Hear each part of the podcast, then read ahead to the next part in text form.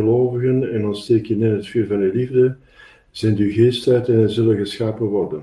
En hij zal het aanzien van de aarde vernieuwen. Laten we bidden, o God, die de harten van de gelovigen door de verlichting van de Heilige Geest hebt onderwezen. Geef ons dat wij door dezelfde geest de ware wijsheid bezitten en ons altijd over zijn vertroosting verblijden door Christus onze Heer. Amen. Heilige Hart van Jezus, Ontferm u over ons. Maria zetel van de wijsheid, Bid voor ons. Heilige Jozef, Bid voor ons. Ignatius van Loyola, Bid voor ons. onze engelbewaarders, Bid voor ons. onze patronen, Bid voor alle ons. engelen en Gods lieve heiligen. Bid voor In ons. van de Vader de Zoon en de Heilige Geest. Amen. Amen.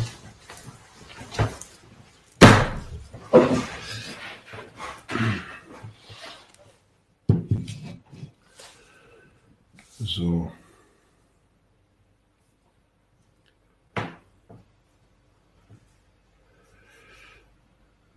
We gaan eh, met de volgende eh, oefening verder van de, Leiden, van de Leidensweek, van het, eh, de droeve geheimen. Dat is nummer 200. Na de eerste beschouwing hebben we de tweede beschouwing. Dus morgens vroeg van het, de, het avondmaal tot aan de Hof van de Leiden.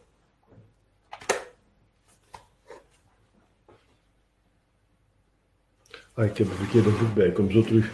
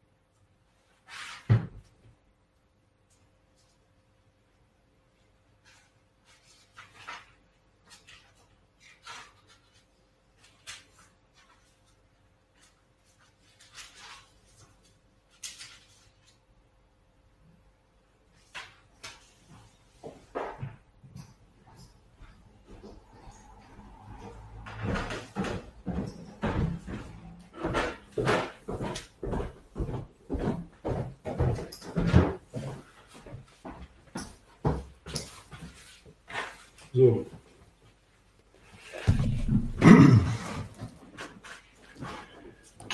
Het, dus nummer 200, het gewone voorbereidingsgebed. Eh 201, de eerste inleiding, is het verhaal eh, hoe Christus onze Heer met zijn elf leerlingen, dus was de verrader, de verrader is weggegaan juist na de, de mis, de eerste mis, en die redenvoering van Jezus eh, nadien, die in Heilige Johannes staat, die houdt hij voor de elf leerlingen. Die ontboezemingen die hij geeft over eh, zijn liefde tot de Vader en zijn verhouding tot de Vader, dat hij één is met de Vader. eh, en dat hij die eenheid en die liefde wil doorgeven aan zijn leerlingen, aan zijn apostelen. Dat is tegenover de elf leerlingen.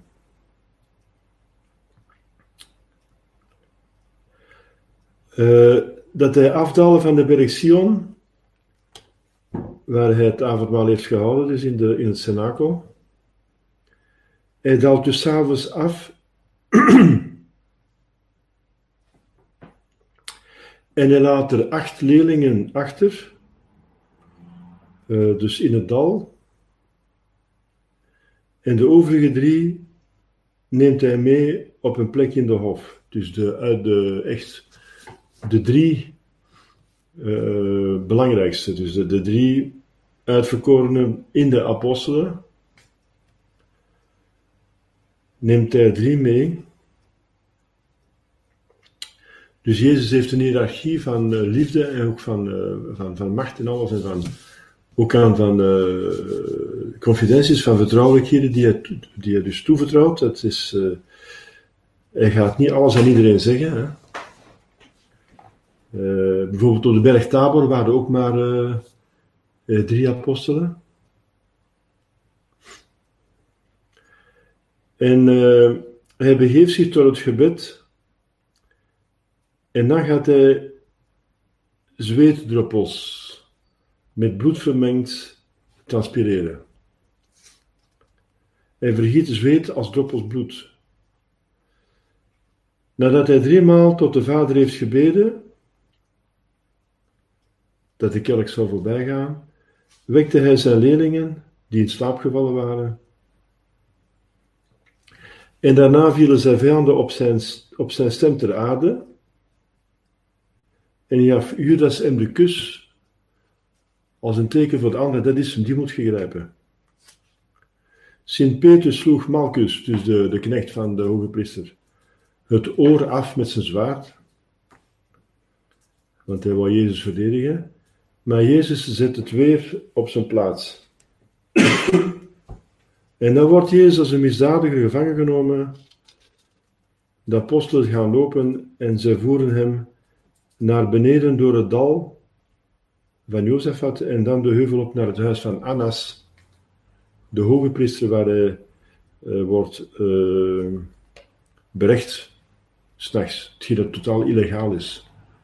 Volgens de, volgens de Joodse wet en volgens alle wetten mogen s'nachts geen uh, gerechtszaken gehouden worden. Wat gerechtszaken zijn is publiek en het publiek moet dat kunnen meevolgen en dat moet overdag gebeuren. De tweede inleiding is de plaats te zien. Zo concreet mogelijk. Hè. Ik ga dat zintuigelijk proberen echt uh, zoveel mogelijk uh, alles te zien, te horen, te voelen, te ruiken, te smaken. Hè. Wat er maar te zien, te horen is, om, dat ik dan beter kan begrijpen wat er gaande is. Hoe meer ik zintuigelijke informatie opdoe, hoe beter mijn verstand kan werken. Ik zal mij de weg uh, voorstellen van de berg Sinon af naar de berg Jozefat, naar de dal van Jozefat en even naar de hof die op een heuvel ligt. Met zijn breedte, lengte, aanleg enzovoort. De, de, de Hof van de Lijven die bestaat nog altijd nu. Er staan zelfs nog een paar olijven van de tijd van Christus, olijfbomen. Uh, eh, 2000 jaar oud. Dat kan. Die is natuurlijk heel dik geworden en heel zwaar. Ja, dat is heel mooi. Er staan nog olijfbomen van een tijd van Jezus. Die getuigen zijn geweest, die planten als het mogelijk is van het lijden van Jezus. De derde inleiding is de, vraag, de specifieke genade te vragen die ik verlang. Tijdens deze beschouwing van het lijden. Dat is smart met Christus, de man van smart. Dus medelijden. Lijden met. Want dat is heilzaam. Medelijden met Jezus geeft u vleugels. Dat doet goed, dan wordt je dat wordt aan zijn lijden, dat voor u is. Dus je ondergaat de heilzame invloed van het lijden voor uw ziel. En hoe meer dat we met hem lijden, zullen we beter en des uh, overvloediger met hem verrijzen. genade van de verrijzenis bekomen, dat wil zeggen, de verrijzenis in de deugd voor ons hier. En later natuurlijk de echte verrijzenis, hè, dus lichamelijk. Hè. Maar hier al het verrijzen uit de deugd. We lijden met Jezus samen om de zonde en om onze zonde. En we gaan verrijzen met hem uit onze zonde in de deugd. Hoe, meer, hoe beter de Goede Vrijdag, hoe beter de, de, de Pasen. Hoe dieper de smart van Goede Vrijdag, hoe groter de heerlijkheid bij Pasen. Verbrijzeling van harte met de verbrijzeling van Jezus, tranen en inwendig leed gaan we vragen. Inwendig dus tranen over het zo grote leed dat Christus geleden heeft voor mij.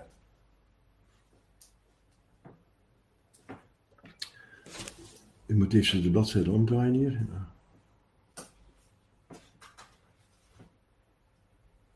Ja. Nummer 204 in deze tweede beschouwing zal men na het voorbereidingsgebed gedaan te hebben, hè, nummer 46, met de drie bovengenoemde inleidingen op dezelfde wijze te werk gaan zoals we gezegd hebben voor de punten en de samenspraak, zoals de vorige beschouwing.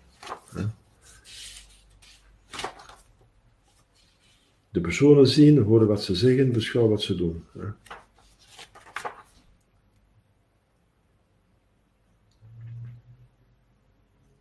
Ja, dan geeft hij dus bepaalde aanduidingen voor de 30 dagen. Dat het zal samengaan met de mis en de vespers. Dat gebeurt dus niet op vijf dagen uh, tijd.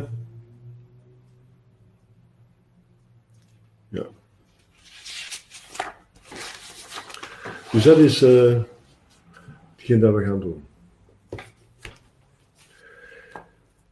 Nu, om ons uh, daarin te stellen, dus uh, de plaatsvoorstelling. Dus dat is daar wat er gebeurt, de plaatsvoorstelling.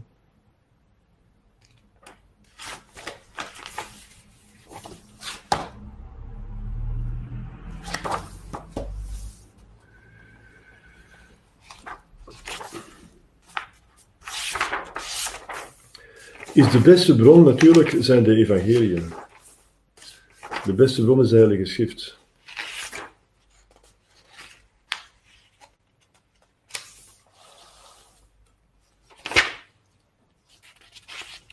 Ja.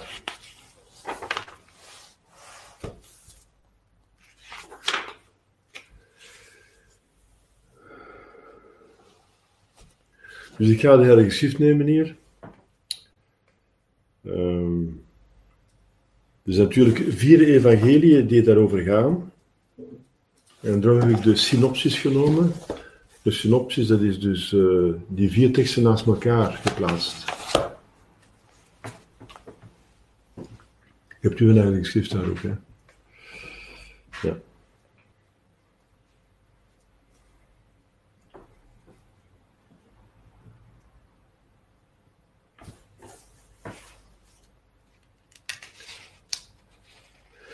Jezus zei op het laatste avondmaal op het einde.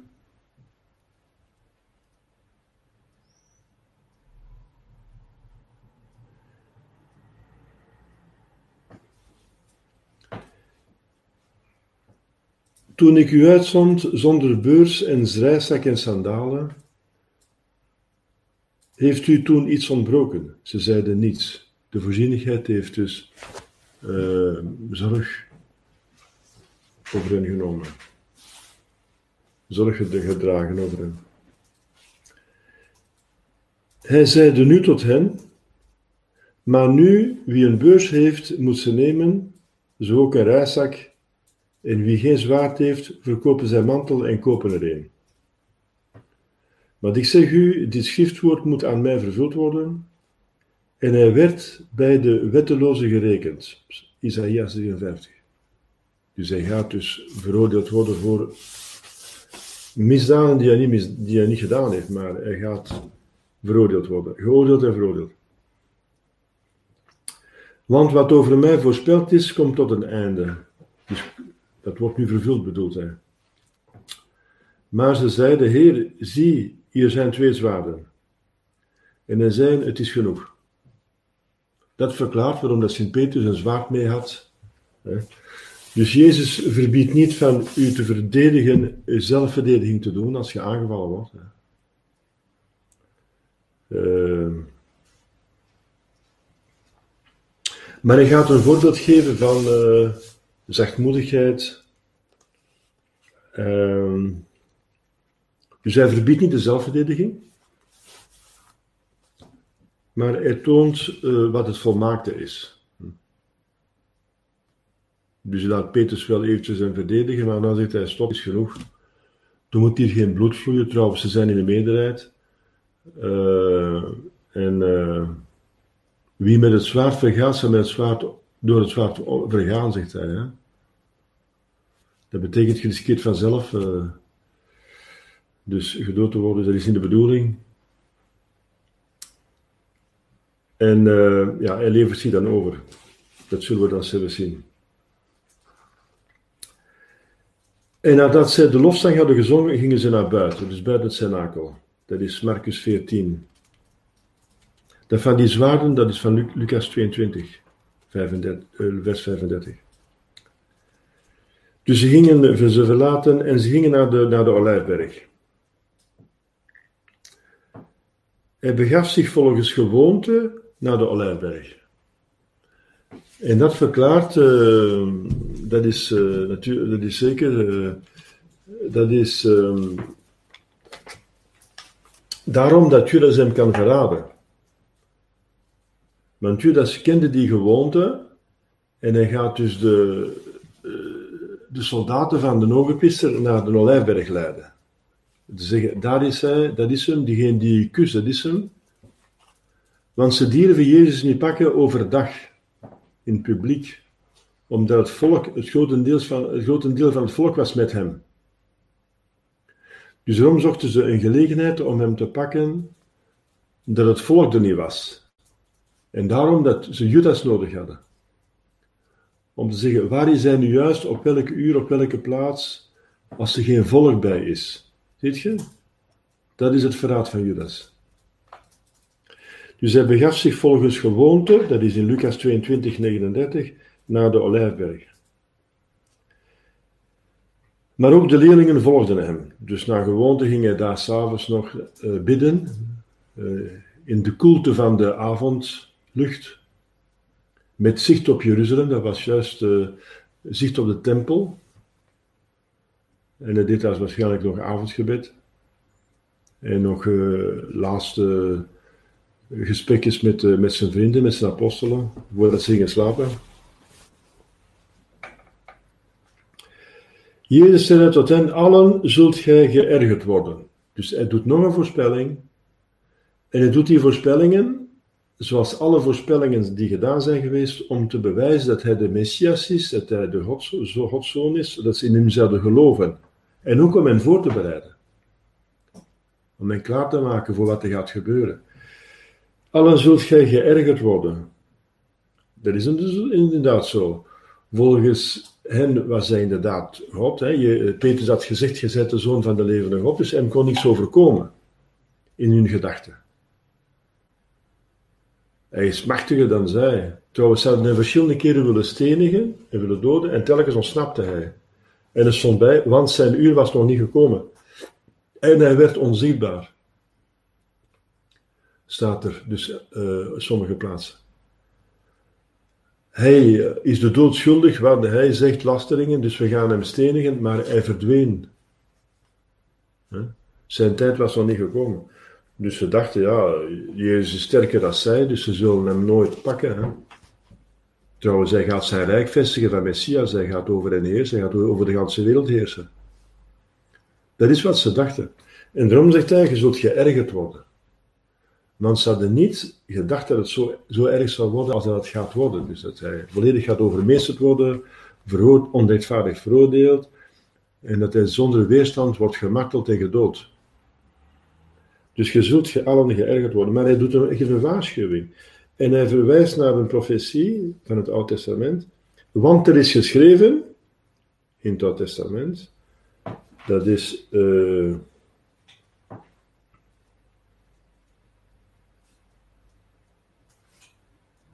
Zacharias 13:7. Ik zal de herder slaan en de schapen zullen verstrooid worden. Dat is ook zo. Dus uh, Jezus neemt ze gevangen en de apostelen gaan allemaal lopen. Maar die profetie gaat veel verder. Hè? Het gaat ook over Jezus mystiek. Het gaat over Jezus fysiek, nu, maar ook Jezus mystiek, de kerk. Nu zitten we er volop in. Ik zal de herder slaan dat wil zeggen, de paus uh, is geslaan geweest, dus uh, het Vaticaan is geïnfiltreerd. Uh, er is sinds 64 een ketter aan het hoofd van de kerk, dus die heeft zijn pauschap verloren door de ketterij, van de ketter staat buiten de kerk. En de schapen worden verstrooid. Maar ja, we zijn verstrooid. Hè. Je hebt Petrus broederschap, Peace broederschap, je hebt de resistance van Marcel Williamson, je hebt de Mate Bon Concilie hier, je hebt de beroepen van Sanborn en van Dolan, je hebt Monsen Morello, je hebt uh, die Oosterse bisschoppen in Praag. En iedereen heeft zo'n beetje zijn opinie. En soms zijn die zelfs tegen, serieus tegenstrijdig. En waar is de eenheid van de kerk? De kerk is één natuurlijk, we hebben hetzelfde geloof. Maar uh, die eenheid die, die leidt. Verstrooiing betekent, er is geen eenheid tussen Dus als je het hoofd slaat, dan leidt de eenheid een profetie. Ik zal de herder slaan en de schapen zullen verstoord worden. Maar dat betekent niet dat de kerk wordt. De kerk, en trouwens, de kerk kan niet uh, vergaan. Maar dat betekent er is een lijden in de kerk van verstrooiing. Hm? Dat is een profetie van Zacharias 13 die Jezus zelf aanhaalt. Maar na mijn opwekking, dat is een ander woord voor verrijzenis, zal ik u voorgaan naar Galilea. En daar gaat hij in Galilea ten hemel stijgen. Of hij gaat daar ze voorbereiden op de hemelvaart. Hij gaat daar een samenkomst houden met de discipelen. En dan gaat hij ten hemel stijgen.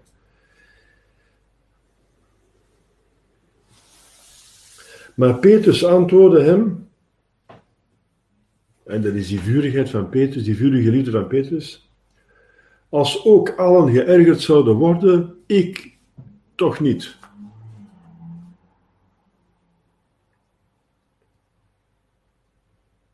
Ik zal nooit geërgerd worden.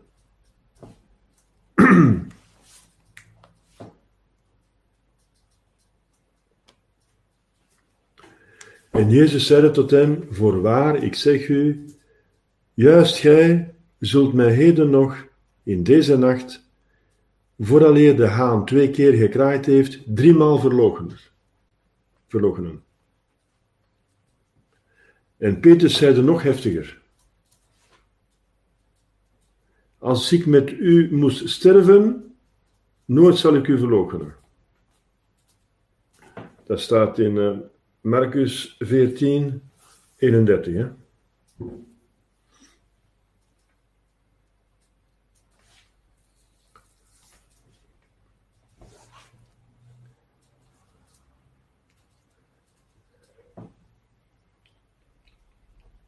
En in Lucas 22, 33. Heer, met u ben ik bereid in kerker en dood te gaan.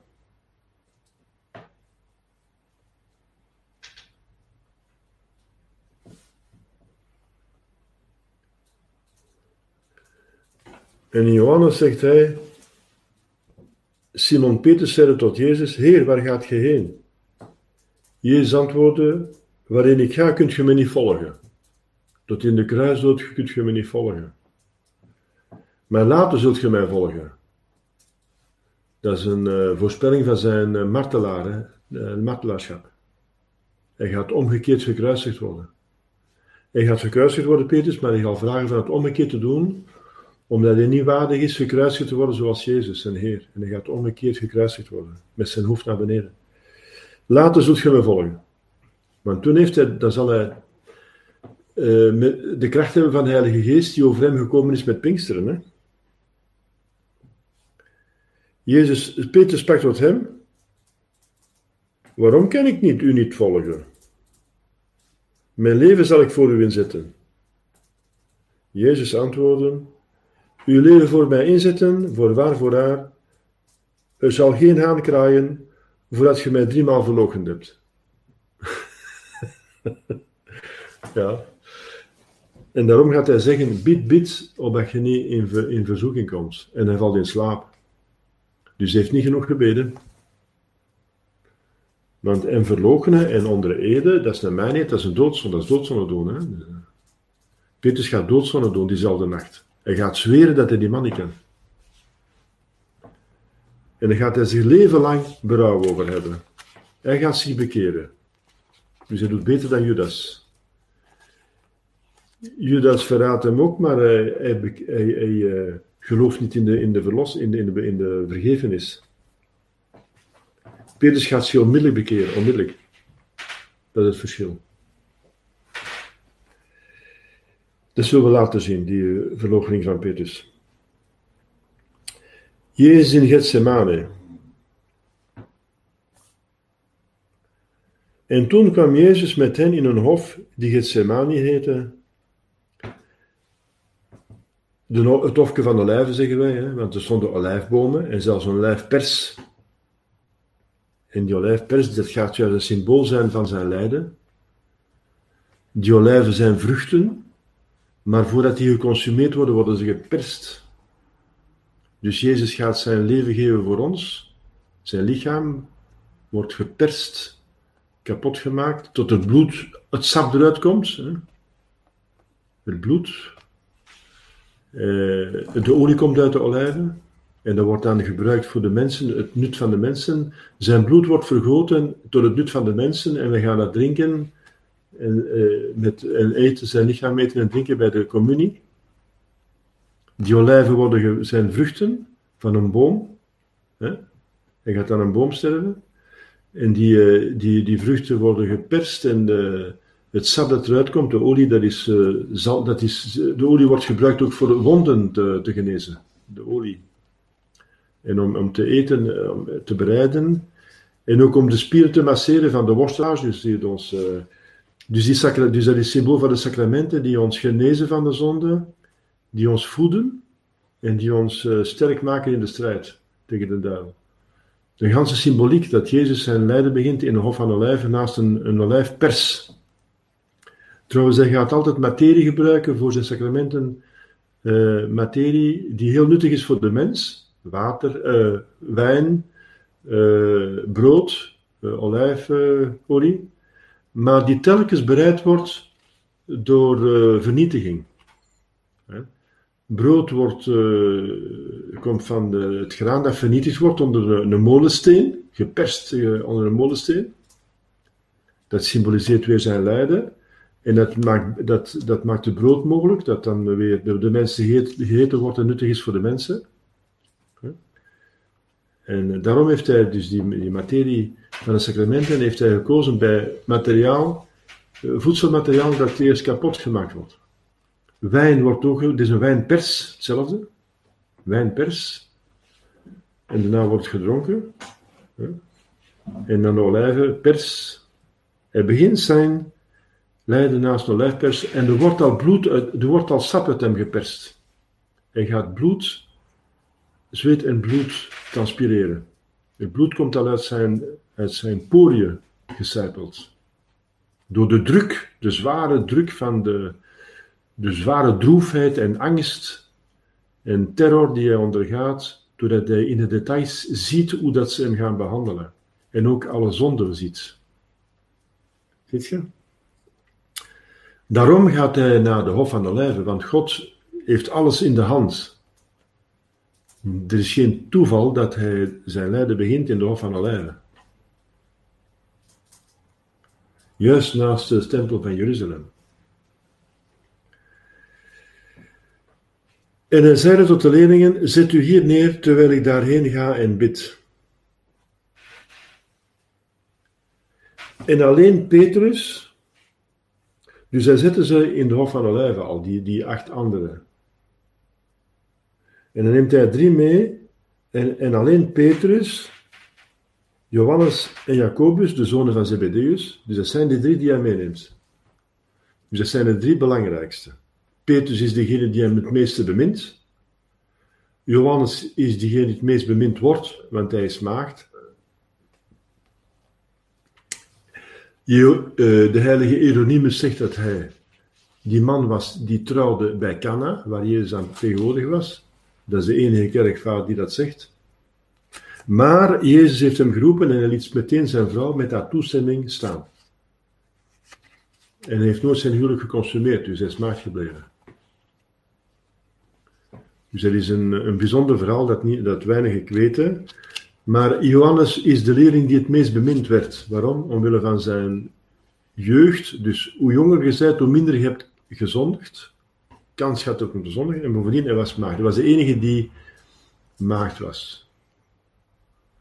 Dus uh, Jezus houdt meer van de maagden, omdat hij dus uh, een geoorloofd plezier, het huwelijk is geoorloofd, uh, tot hem hebben laten staan. Dat is de geest van maagdelijkheid. De geest van mannelijkheid is toegestane plezier, uh, uh, genot van schepselen, toegestane genot, uitleveren tot hem, laten staan. Dat is maagdelijkheid, de geestelijke maagdelijkheid. Dat is de geest van maagdelijkheid. Maria is de maagd der maagden. Ja? Dus het huwelijk is goed, is ingesteld door God, en dat genot is door God gewild, hè, om, om het te stimuleren, om het uh, gemakkelijk te maken, om kinderen te verwekken, en dat moet gebeuren. Eh, In het huwelijk is het eh, seksuele daad is, is goed, is heilig, is door God gewild, is een medewerking aan de scheppingsdaad. Maar als je ervan onthoudt, uit liefde tot hem, is het beter. Is het beter. En dus Johannes is degene die het meest bemind wordt. En Jacobus is degene die het meeste verstorven was. Jacobus. Dat was een asceet. Dat was de, de voorloper van de asceten. Dus Johannes van, is de voorloper van de mystiekers, degene die het meeste bemind wordt. Petrus van degene die eh, actief God bemint het meeste. Hè? De actieve, werkzame, missionaire liefde. Hè? En Jacobus, de, de, de voorbeeld van de ascet, die het meeste verstervingen doet en boete.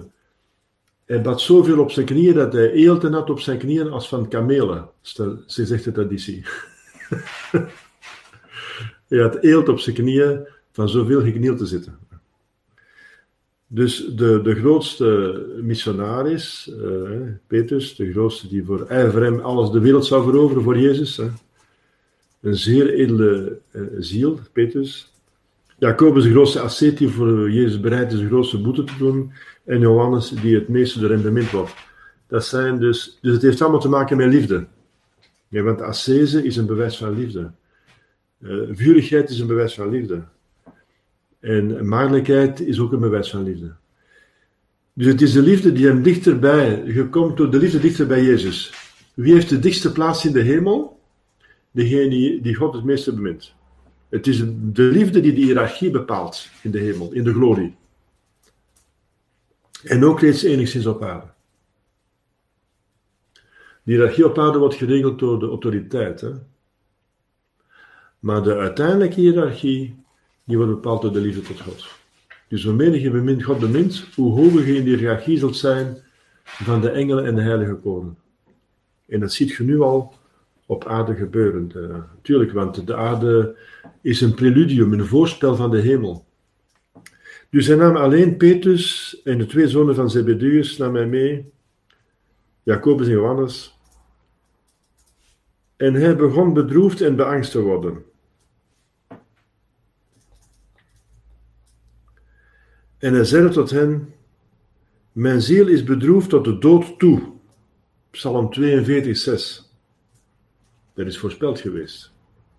Dus tegelijkertijd zegt hij wat er gebeurt, en tegelijkertijd citeert hij altijd een, een profetie aan, die juist zegt wat er dan ging gebeuren. Dus hij bewijst weer dat hij de Messias is, dat hij een profetie vervult. Blijft hier en waakt. Waakt met mij. En hij ging een weinig verder en wierp zich op zijn aangezicht neer. Plat op de aarde, gezicht tegen de grond. Dat is de, de meest nederige houding die je kunt aannemen tegenover God.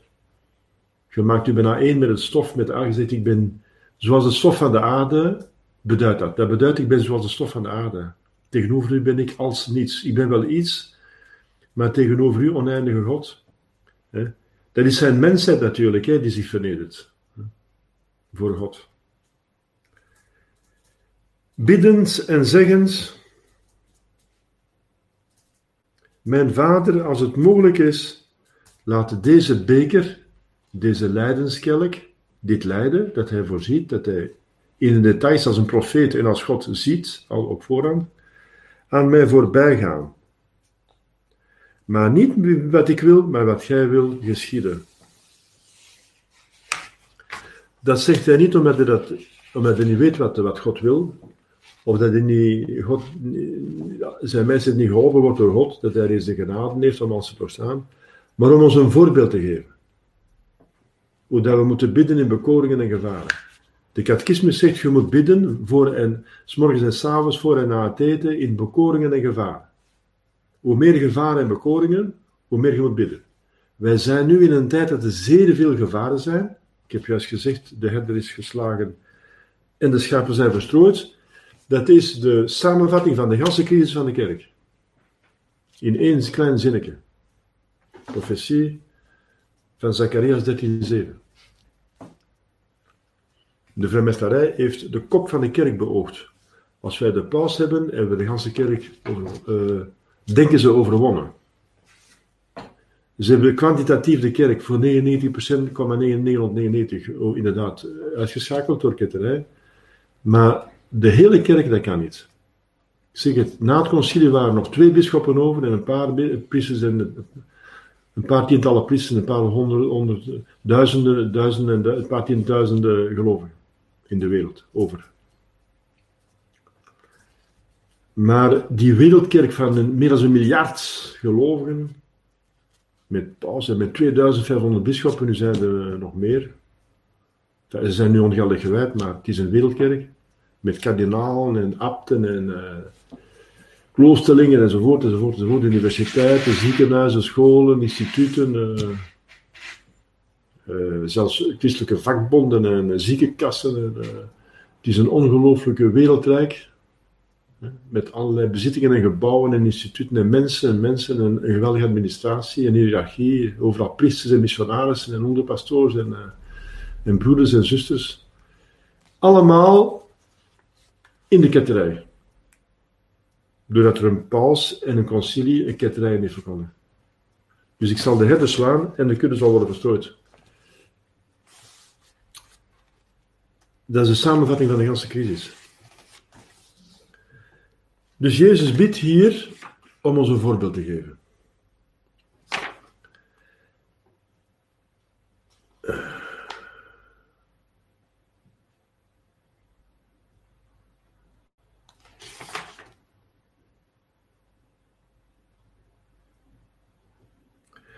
Hem verscheen nu een engel uit de hemel die hem versterkte. Die kwam hem troosten. En toen hij in doodsangst geraakte, doodsangst. Dit is de meditatie van de doodsangst. De angst die je ondergaat omdat je inziet dat de dood onvermijdelijk wordt. Je weet zeker, ik ga nu sterven. En dat is pijnlijk, want de dood op zichzelf is al pijnlijk, want er is een scheiding van ziel en lichaam. En de ziel is geschapen om het lichaam te, te bezielen. En het lichaam is geschapen om bezield te worden door het lichaam. Die zijn voor elkaar geschapen. En die moeten gescheiden worden. Dus er is ergens ja, eh, de natuur die kapot gaat. De ziel kan niet kapot gaan, maar het lichaam gaat kapot. Dus dood is in zichzelf al pijnlijk. Maar dit is een verschrikkelijke marteldood bovendien. En zijn lichaam wordt gemarteld, maar zijn ziel wordt ook gemarteld, want het is onrechtvaardig. Het is beledigend en uh, beschimpend en lasterend, enzovoort. Hij wordt verraden, hij wordt verlaten, enzovoort. Hij ziet alles in details in, hetgeen dat we gaan zien laten, ziet alles in details in, de doodsangst. En bad hij nog vuriger. Dus hij toont hoe groter de gevaren, het doodsgevaar is het grootste gevaar dat je kunt hebben. En voor ons is er bovendien nog gevaar dat we in doodzonde vallen. Als we voor een martelaarschap staan. Om, er, zijn, er zijn wel wat christenen die het martelaarschap hebben willen ont, ont, ontgaan door, te, uh, door hun geloof af te zweren. Dat is gebeurd, spijtig genoeg. Dat zal niet met Jezus gebeuren, maar bij ons kan dat gebeuren kan dat gebeuren. Dus dan moeten we verbinden dat we sterk genoeg staan. Dus hoe groter het gevaar, hoe meer we moeten bidden. Dus hij bad nog vuriger. En zijn zweet werd als bloeddruppels, die op de aarde vielen. Zijn zweet vermengde zich met bloed. En hij stond op van het gebed, ging naar zijn leerlingen en vond hen van droefheid ingeslagen. Dat uh, bloedzweet of zweet met bloed vermengd, is een, een, uh, fenomeen dat alleen door Lucas wordt weergegeven. En Lucas was een, een, een, een, dokter, dus die wist wat er gaande was. Die, die wist wat dat was, dat is, dat is de hematidrose. De hematidrose is een, uh, een fenomeen dat je door hevige emotie, heel hevige emotie, eh, dat uw eh, zweetklieren opzwellen. En eh, de capillaire, dus de, de, de haarvaatjes ook. Het bloed, het hart begint te pompen en, en sommige breken. Dus sommige haarvaatjes breken van de spanning. En je hebt een inwendige bloeding. En dat bloed komt terecht in die, eh, in die bloed, in die, die zweetklieren. En dan gaat dat dus naar buiten, eh, dus het zweet gaat naar buiten, eh, vermengd met bloed. Dus het zijn capillaire, dus haarvaatjes, die breken van de emotie. Die door het hart wordt veroorzaakt, dus die, die, die spanning wordt veroorzaakt door het hart, de hartkloppingen. En die, het hartkloppingen worden veroorzaakt door een geweldige emotie. En dat is hematidrose. Dat is een fenomeen dat voorkomt, maar zeldzaam maar voorkomt. Hematidrose. Dus dat duidt dat er een geweldige angst was. Een doodsangst in Jezus. Een geweldige angst. En de kerkvaders leggen uit dat het natuurlijk komt doordat hij zijn lijden voorzien, tot in de details, dat een verschrikkelijke martelaarschap zal zijn. Maar ook dat hij alle zonden ziet voorbij defileren. Want hij betaalt voor de zonde. En als je voor iets betaalt, moet je weten waarvoor je betaalt. Anders kan de koop ongeldig zijn, hè, als je niet weet eh, wat je koopt. Als je je vergist, je denkt dat je een huis koopt het is een appartement dat je krijgt, ja, dan is de koop ongeldig. Dus je moet, hij wist, als God wist hij dat en als profeet ook, alle zonden van de wereld. Dus mijn zonde die ik gedaan heb, die heeft hij gezien, daar heeft hij voor geleden. Mijn zonde, daar heeft hij voor geleden. Dus als ik met hem dus meeleid, is hij niet zomaar een fictie. Want je kunt zeggen, hoe kunt je nu meeleiden met die ze al voorbij is? Hoe kunt je hem troosten? Hoe kunt je hem troosten met dat hij er al voorbij is. Wel, omdat God buiten de tijd staat. Hij, als jij hem gaat troosten door met hem te bidden, uh, met hem te bidden, u voor de geest halend wat hij heeft afgezien, daardoor van de lijven enzovoort, dan heeft hij dat gezien, 2000 jaar geleden. En daar heeft hij troost van ondergaan. Want er staat, de hengel komt hem sterker. En hoe komt die engel hem sterken? Door hem te tonen, de uitverkorenen, dat dat toch niet voor niks is. Hij doet alles voor de hemel. Alles wat God doet, doet hij voor de hemel. Scheppen, verlossen, doet hij voor de hemel. De hemel is het doel. Voor ons en voor God. Hij doet alles voor degene die naar de hemel gaat. Het ergste van zijn lijden is degene die verloren gaan die zijn lijden zullen verwerpen. Want hij leidt voor iedereen, hij bekomt voor iedereen de genade van hun bekering. Maar dus het is niet alleen de zonde die hem doen lijden. Alle verschrikkelijke, afschuwelijke zonden die je maar kunt inbeelden, die heeft hij allemaal gezien in details van alle mensen van alle tijden, van alle plaatsen. Maar bovendien, dat het, uh, sommige mensen zich niet willen bekeren van die zonde. En dat ze, ondanks zijn lijden, en, en, dat hij voor hen de hemel geopend heeft, dat ze daar niet geen gebruik van zullen maken. En dat het dus voor niks is dat hij daar leidt. Hij leidt daar voor niks. Voor sommige mensen. En dat is ook nog het ergste van al zijn lijden. Dat het nutteloos is. Voor sommige mensen. En dan komt de engel hem versterken met de, enige troost die hij heeft, het zal voor sommigen wel nuttig zijn. En daarom doet hij het. Dus wat hij heeft allemaal niet afgezien voor mij naar de hemel te brengen. Dat alles pakt hij erbij. Hij voorziet de heiligschennissen dat ze zijn Eucharistisch, dat ze zijn, uh, zijn heilige hostie gaan onteren. Hè. Door de handcommunie, ze gaan stukken op de grond vallen, die worden vertrapt heb het zelf gezien, dat de stukken op de grond lagen bij de communebanken. In de jaren 82 heb ik het zelf gezien in de, in een parochie in Deurne. Stukken hostjes op. Ik heb er 13 gezien op de grond. En zelfs een halve hostie. Wordt vertrappeld. De satanisten gaan daar zelfs on, met ontering. Hij ziet alle zonden. Bloeddroppels vielen er op aarde. Dus hij wordt precies, hij, wordt al, hij begint al uitgepest te worden, ziet je? Als een, het sap begint al uit zijn lichaam te, te, te komen. Van het, door het lijden, door de passie. En hij gaat naar zijn leerlingen en vond hen van droefheid ingeslapen. Hij zei tot hen, waarom slaapt je? Sta op en bid, opdat je niet in bekoring komt. De geest is gewillig, maar het vlees is zwak.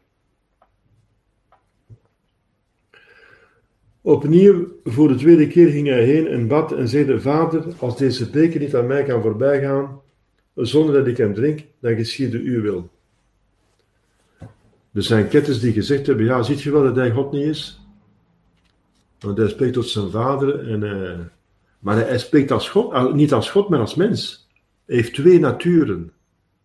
En hier spreekt hij als mens, want als God kan hij niet leiden. Als mens kan hij leiden. Soms spreekt hij als God als hij zegt, Lazarus ga uit. En hij wordt levend. Ja, dat kan alleen God iemand levend maken. De tekst zegt niet, en hij bad tot God dat Lazarus levend werd. Nee, hij zei, ik zeg u, ga, dus, ga uit, kom naar buiten. Veni foras, kom naar buiten. En dan spreekt hij als God. Als hij zegt, ik ben één met de Vader, hè, ik ben, ik ben de, de, de zoon van mijn Vader, ik heb dezelfde natuur, de goddelijke natuur, dan spreekt hij als God. En nu spreekt hij als mens. Hm? Dus een goddelijke persoon die twee naturen heeft. Als mens leidt hij, als God heeft hij oneindige verdiensten.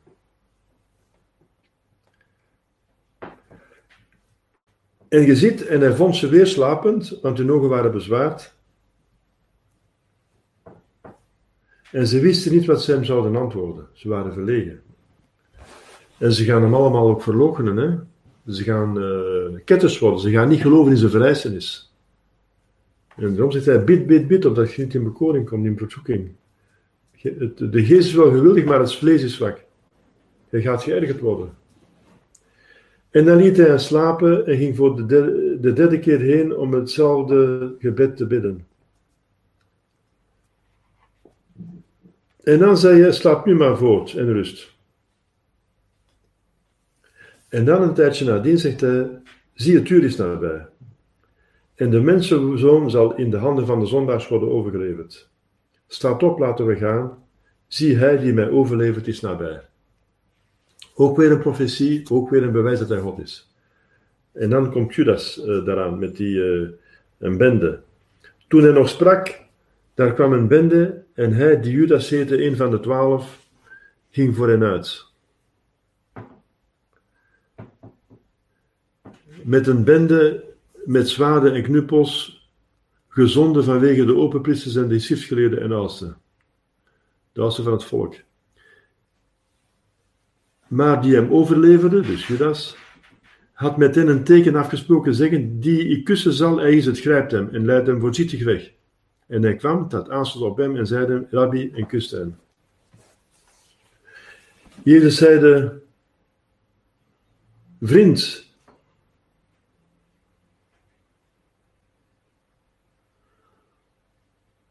verraad je mij met een kus?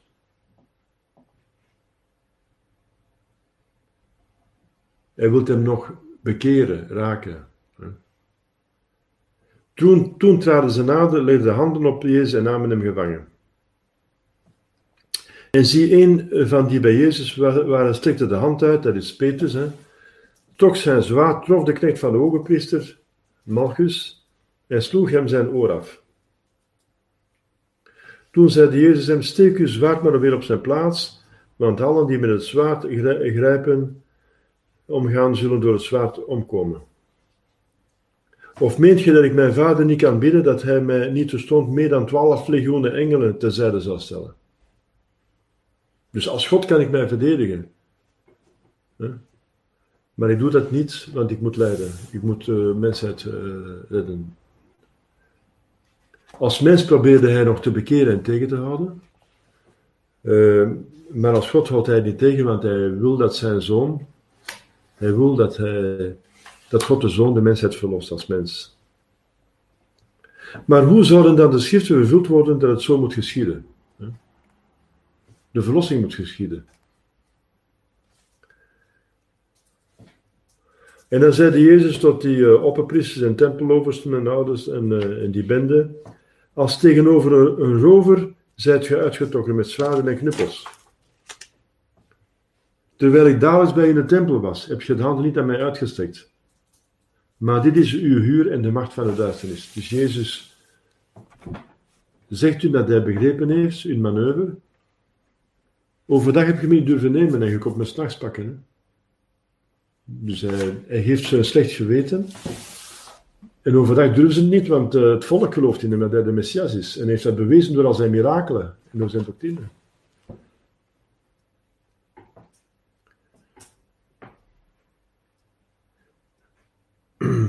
Maar dit alles is geschied opdat de schriften der profeten zouden vervuld worden. Toen verlieten hem de leerlingen allen en vluchten. En een jongeling was hem gevolgd, dat is Lucas, een linnen kleed om het naakte lichaam geslagen en ze grepen hem. Maar hij liet het linnen kleed, het kleed in de steek en vluchtte naakt weg. Dus Lucas heeft nog proberen te volgen, maar uh, Lucas was geen apostel, hij was een leerling. En Lucas was ook in de buurt en uh, uh, die was waarschijnlijk, ik weet niet waarom hij daar in een lelijk kleed was, uh, naakt, dat zeggen. Dus hij was waarschijnlijk gaan slapen en dan toch opgestaan om te zien wat er met Jezus zou gebeuren. Want hij had waarschijnlijk een vermoeden, enfin, in ieder geval. Lucas was daar ook in de buurt, dus er waren niet alleen de, elf, de twaalf apostelen, elf apostelen en een één verrader, maar ook een één leerling, Lucas. En waarschijnlijk was die uh, opgestaan. Die was dan gaan slapen en opgestaan. Want hij had vlug een linnen kleed om zich omgeslagen. En ze pakken hem, maar uh, hij ontsnapt. Dus allemaal gaan ze lopen. Ze grepen Jezus en voerden hem weg naar de ogenpriester Caiaphas. Waar de schriftgeleerden en de oudste bijeengekomen waren.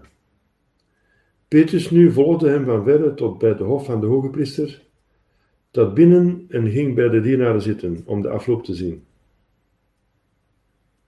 Dus dat is al, uh, de broeders Laman hebben dus, uh, dus getoond hoeveel keren dat de wet overtreden is geweest. Is tientallen keren is de Joodse wet overtreden geweest. Uh, dus het is een onrechtvaardig vonnis. Dus ik, ik, heb, ik, herhaal het, s'nachts mocht er niet gevonnis worden mocht er geen rechtszaak gehouden worden. Dat ze hebben toch gedaan. Waarom? Omdat ze het volk vrezen. En ze willen s morgens al een, een, bewijs hebben dat hij een ketter was. Hè. En ze gaan zeggen, ja, maar hij zit het hij de zoon van God, dus dat is een laster, dat is een ketterij, dus hij moet deze doodschuldig.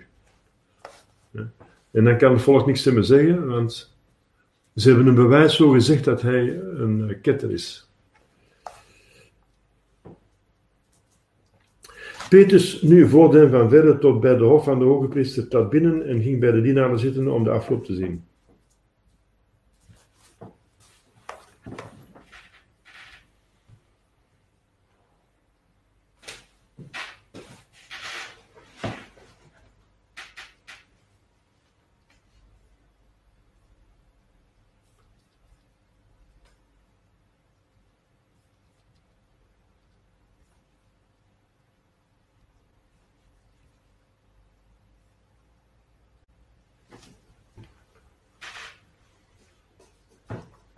Dus Petrus die het.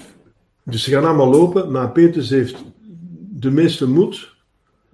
Namelijk om. Uh, hij houdt van Jezus. en om de afloop te zien. Hij wil hem van verre zien wat er gebeurt. Hij wil weten wat er gebeurt met zijn geliefde meester.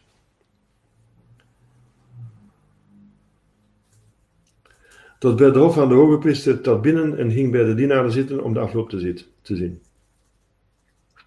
Toen nu een dienstmaagd bij hem bij het vuur zag, hem bij het vuur zag zitten en hem scherp aankleed, uh, aan, excuseer, en hem scherp aankeek, een, een, een vrouw daar, een van die, uh, dus die, uh, die huishoudsters van de, van de hogepriester, die zag hem bij het vuur zitten, dus het vuur geeft een, een licht en ze zag zijn gelaat. Zei ze, ook deze was bij hem. Die herkent zijn gezicht. Maar hij logende uit, zeggend, ik ken hem niet, vrouw. En korte tijd later zag hem een andere en zeide, ook gij zit een van hen. Ook weer een andere vrouw. Maar Peter zei, mens, dat ben ik niet. En ongeveer een uur later verzekerde een ander, zeggend, waarlijk, ook deze was bij hem, want hij is een Galileër. Dat hoort gaan zijn spraak. Even het accent van Galilea. En Jezus komt ook van Galilea. Ziet je wel? Hij is een van hen. Maar Peter zeide, mens, ik begrijp niet wat je zegt.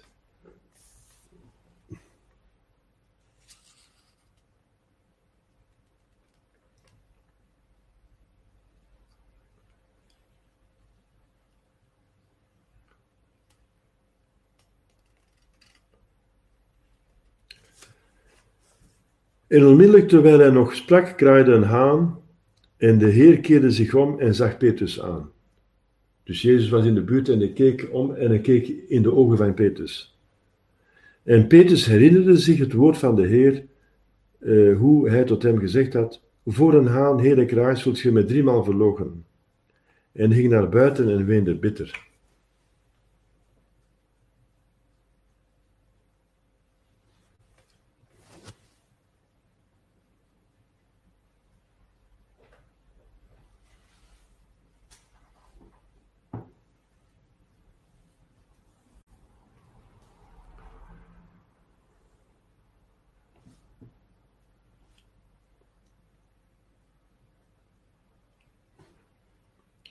Dus Petrus was bij dat vuur om zich op te warmen. En daar wordt hij erkend en hij, en hij, gaat drie keren verloochenen.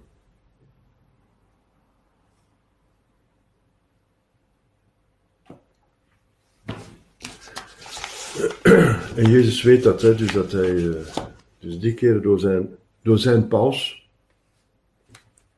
zijn belangrijkste leerling, wordt verraden. Hij die zegt, ik zal sterven met u. Hij heeft schrik dat hij rammel krijgt omdat hij een van hen zal zijn. De opperpriesters nu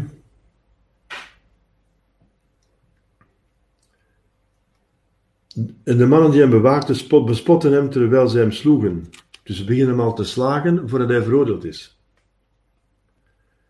En zijn hoofd omhullen en hem zeggen: Profiteer wie het is u geslagen heeft. Ze omhulden zijn hoofd, ze maakten een, eh, een blind, enfin, ze, ze, ze maakten een blinddoek voor hem. Profiteren wie het is van u die u geslagen heeft. Dus ze spotten met hem. En nog vele andere lasteringen spraken ze tegen hem uit. Voordat hij veroordeeld is. Dat mag allemaal niet. De beklaagde moet je gerust laten. Zolang de schuld niet bewezen is. En toen de dag werd, verzamelde de raad der oudsten van het volk en ook de opperpriesters en de schriftgeleerden.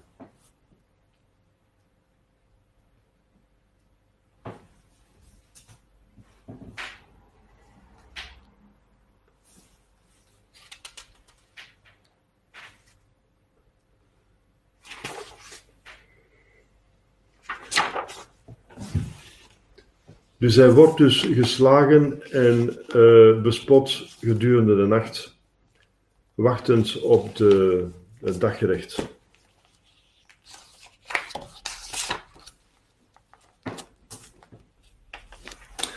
Dus dat is het evangelie, dat is het krachtigste verhaal, dat is het Gods woord. Uh, ja, mediteer daarover, dus vergeet niet die, uh, die puntjes. Jezus leidt als mens, maar die persoon die leidt is God.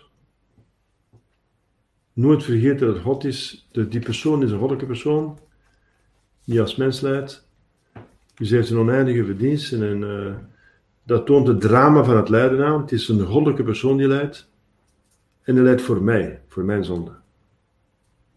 Dus vraag dan dat je, ja, zoals in, de, in het begin gedaan hebben, vergiffenis gevraagd en berouw voor onze zonden, maar nu zijn we nog meer gemotiveerd uh, om uh, dat dat berouw volledig alles zou uitzuiveren, de laatste uh, resten van de zonde en de zondigheid zou opruimen. Want de biecht vergeeft wel, maar ze haalt alle straffen niet weg. Dus hierdoor kunnen we zelfs alle straffen weghalen. Dat we het hoort horen dat hij zal zeggen tegen de goede modenaar: Heden zult je met mij zijn in het paradijs. Dus, uh, dus probeer met Jezus mede te leiden. Om dan deel te hebben aan zijn verrijzenis, deel te hebben aan zijn genade. Want hij leidt voor ons